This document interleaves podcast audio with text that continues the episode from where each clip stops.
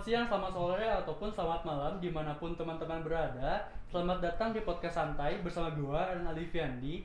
Di sini kita akan membahas sebuah materi mengenai fen- fenomena digital yaitu financial technology atau istilah kerennya yaitu vintage. Nah, teman-teman sebelum kita menilai lebih dalam apa itu vintage, yuk kita kenalan dulu. Gua Eran Alifiandi dari kelompok 2 2C Kewirausahaan angkatan 2019. Kali ini kita kedatangan salah satu teman kita dari Pendidikan Bisnis FPB Universitas Pendidikan Indonesia. Please welcome Kang Dava. Hai semua. Halo. Halo, Kang. Gimana Kang kabarnya baik? Alhamdulillah baik. Bagaimana Akang sendiri? Alhamdulillah stres ya Pak banyak tugas Pak. Sama. Mungkin buat para dosen bisa didengarkan keluh kesah para mahasiswanya nggak usah banyak-banyak tugas di zaman pandemi COVID-19 ini ya. Iya, pusing Karena bisa meningkat eh menurunkan imun malah ya. Oke. Nah, Kang Dava dari kacamata Kang Dava sendiri eh, si vintage ini apa sih, Kang? Jadi vintage itu kan sebuah gabungan dari jasa keuangan sama teknologi ya. Betul. Contohnya kayak tadi eh, kayak cicil.co.id sama yang sering kita lihat kan eh, yaitu kayak Go, kayak GoPay ya. Mm-mm. GoPay juga itu salah satu contoh. Jadi gabungan antara keuangan dan juga teknologi gitu kan Iya. bersatu jadi satu dan juga dari yang asalnya eh, konvensional menjadi modern. Jadi daripada kita bawa-bawa dompet ke mana-mana takut hilang ya kang.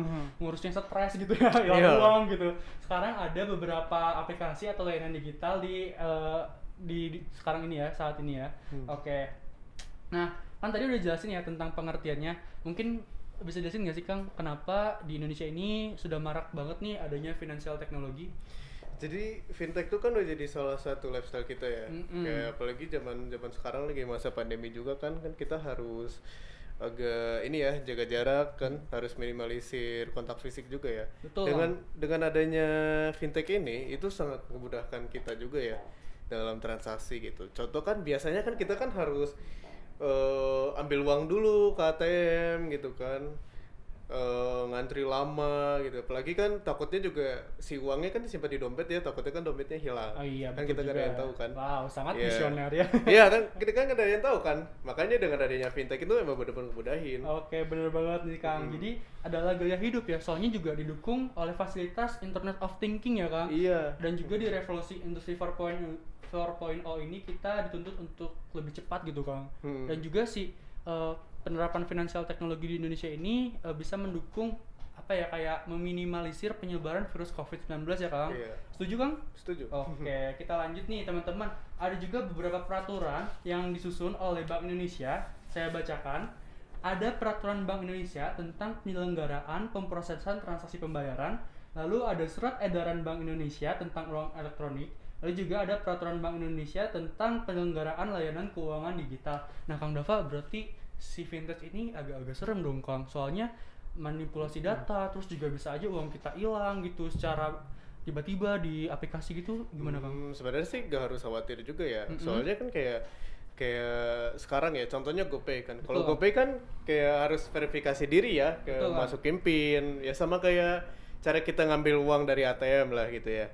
Sama fintech juga dia nggak bisa sembarangan gitu. Soalnya udah di udah diawasi sama OJK Oke. Gitu. Terus juga Kang tadi dengar-dengar ada OJK ya? Iya. Otoritas Jasa Keuangan gitu ya Kang. Hmm. Terus juga kalau misalkan kita masuk ke aplikasi finansial teknologi, kita harus masukin passcode gitu ya Iya. Kang. Hmm. Ke mana-mana GoPay juga salah satunya ya Kang. Iya. Nah, buat teman-teman juga yang mau verifikasi user, bisa juga nih langsung kontak Kang Dava Hibrizi. Iya. Oke deh Kang, tadi udah tentang pengertian sampai ke peraturan, ada nggak sih Kang manfaat bagi kita gitu sebagai mahasiswa, sebagai pengguna layanan teknologi digital ini? nah kalau untuk fintech ya untuk khusus untuk konsumennya ya, Betul Kang.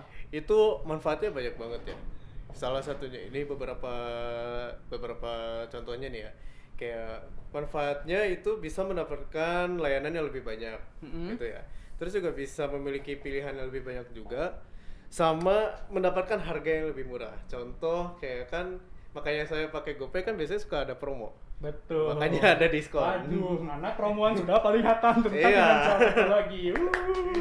Uh. Oke, Saya- mungkin teman-teman di rumah juga udah sering ya kan ngejar-ngejar promo kayak Shopee Pay gratis ongkir gitu. Iya. Terus juga ada beberapa cashback yang diberikan Iya. oleh finansial teknologi ini ya, beberapa Iya. aplikasi gitu. Mm. Oh iya, Kang. Kan Akang sendiri itu kerja ya di Exodus. Kalau Hmm. Exodus sendiri gimana Kang? Udah menerapkan belum finansial teknologi? Sudah ya. Apalagi kan kalau kalau saya kan di bagian kafe ya. Iya, Kafe kan udah ini sih eh, mungkin udah semua kafe yang di Bandung juga sih udah pakai. Iya, betul. Kayak contohnya kan ada ada GoPay juga kan, ada yang pakai OVO juga kan gitu. Oke, nih teman-teman nih, karena di kota Bandung sendiri udah banyak nih kafe yang menyerap, menerapkan finansial teknologi ya Kang. Jadi Hmm. kalau misalkan teman-teman mau bayar kopinya nih, langsung kita bisa skin QR code gitu ya Iya. Kang. Betul. Nah, tadi juga ada manfaat bagi konsumen nih Kang. Ada nggak sih manfaat buat perusahaan dan penyedia layanan jasa vintage ini Kang? Manfaatnya apa Kang? Nah, untuk untuk kayak pedagang ya, kayak Hmm. untuk pedagang itu dia bisa menyederhanakan rantai transaksi ya. Betul. Terus bisa menekan biaya operasional sama bisa menyederhanakan alur informasi. Ah, betul Gitu. banget nih Kang. Terus juga teman-teman ada juga vintage buat bagi negara. Apa nih? Saya bacakan ya Kang. Iya. Oke, yang pertama yaitu meningkatkan kecepatan perputaran uang yang dapat meningkatkan ekonomi masyarakat. Yang kedua ada mendorong transmisi kebijakan ekonomi. Dan yang ketiga, vintage khususnya di Indonesia terus serta mendorong strategi nasional keuangan inklusif atau SKNI. Oke Kang, tadi udah manfaat, mungkin sekarang ke dampaknya Kang. Hmm. Dampak dari vintage itu apa Kang menurut Akang? Nah, vint, eh, dampak vintage itu sekarang kan udah jadi sistem pembayaran di masyarakat juga ya. Betul. Sama itu juga fintech itu bisa ngebantu perusahaan untuk menekan biaya operasional sama Mhm. biaya modal. Modal awal kan biasanya agak-agak mahal ya. Iya, Dengan operasional agak- ya. Hmm, dengan agak adanya vintage itu emang bisa menekan itu semua. Nah, buat teman-teman semester 4 kewirausahaan juga sekarang lagi belajar tentang manajemen operasional, Kang. Jadi, Mm. antara satu ilmu dengan yang lainnya itu sangat berhubungan ya, Kang. Iya. Jadi, vintage ini bisa berhubungan dengan manajemen operasional teman-teman yang bisa Mm. yang lagi ngegarap usahanya. Mm. Nah, Kang, sangat menarik sekali nih tentang pembahasan kita kali ini. Terima kasih Kang Dava atas Kang. waktunya. Terima kasih juga ya udah ngundang. Asik. Ntar diundang-undang lagi jangan kapok ya. Siap. Oke, ya udah nih teman-teman. Kalau misalkan teman-teman ada pertanyaan, bisa tulis aja nih langsung di kolom komentar.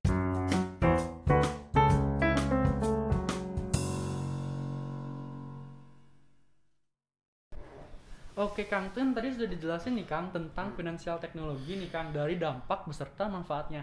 Eh, di sini ada temen aku Kang, namanya itu Tianur Hasanah dari kelompok 2. Izin bertanya nih Kang, apakah boleh? Boleh? Silakan. Boleh, yuk kita masuk ke sesi pertanyaan nomor satu.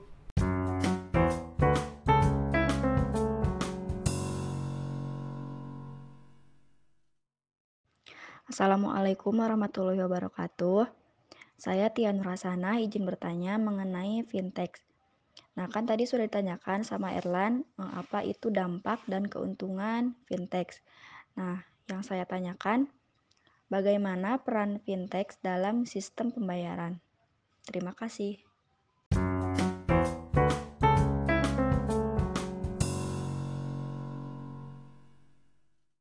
Nah, Kang, kan tadi sudah kita jelasin ya tentang manfaat sampai ke dampak finansial teknologi. Mungkin Tia Nursantasana ini eh, bertanya mengenai bagaimana peran fintech dalam sistem pembayaran. Nah, Hmm. menurut Akang sendiri bagaimana tuh? Kalau sistem pembayaran ya, fintech tuh sekarang udah mampu menggantikan peran lembaga keuangan ya. Betul, Kang. kayak bank gitu ya. Hmm. Jadi peran fintech dalam hal sistem pembayaran adalah sebagai berikut nih contohnya ya. Kayak menyediakan pasar gitu bagi pelaku usaha ya.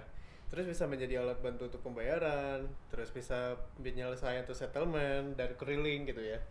Dan juga bisa membantu pelaksanaan investasi, bisa menjadi lebih efisien gitu. Oke. Gitu. Eh, terus kita lanjut juga yuk Kang eh, ke pertanyaan kedua. Ini dari temen aku Nur Endang sama Hmm. nih Kang dari kelompok 2 juga. Yuk kita dengerin yuk Kang. Ya.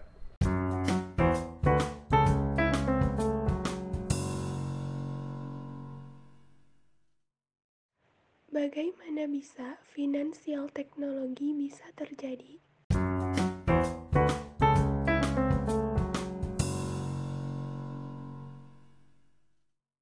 Hmm. Oke Kang, jadi dia lebih ke kenapa ya bisa terjadi finansial teknologi atau fintech umumnya di dunia mungkin Kang bisa dijelaskan? Oh, Sepertinya itu pertanyaan yang sama ya. Betul Kang, tapi nggak apa-apa kita lanjut jelasin aja Kang. Oh ya udah ini saya saya ulangi lagi aja ya. Hmm.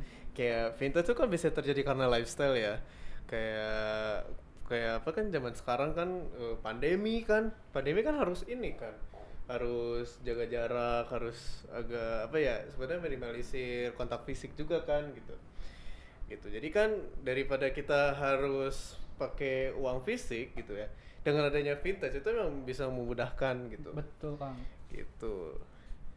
Jadi dengan adanya fintech maka permasalahan dalam berbagai transaksi jual beli serta pembayaran dapat dimudahkan dengan lebih mudah dan lebih cepat gitu Oke, nih buat teman-teman yang mau ada pertanyaan juga, teman-teman bisa mengisi kolom chat atau kolom komentar yang ada di YouTube. Saya Eran Alifiandi sebagai interviewer dan juga narasumber kita. Dava Ibrizi Terima kasih dan sampai jumpa dadah.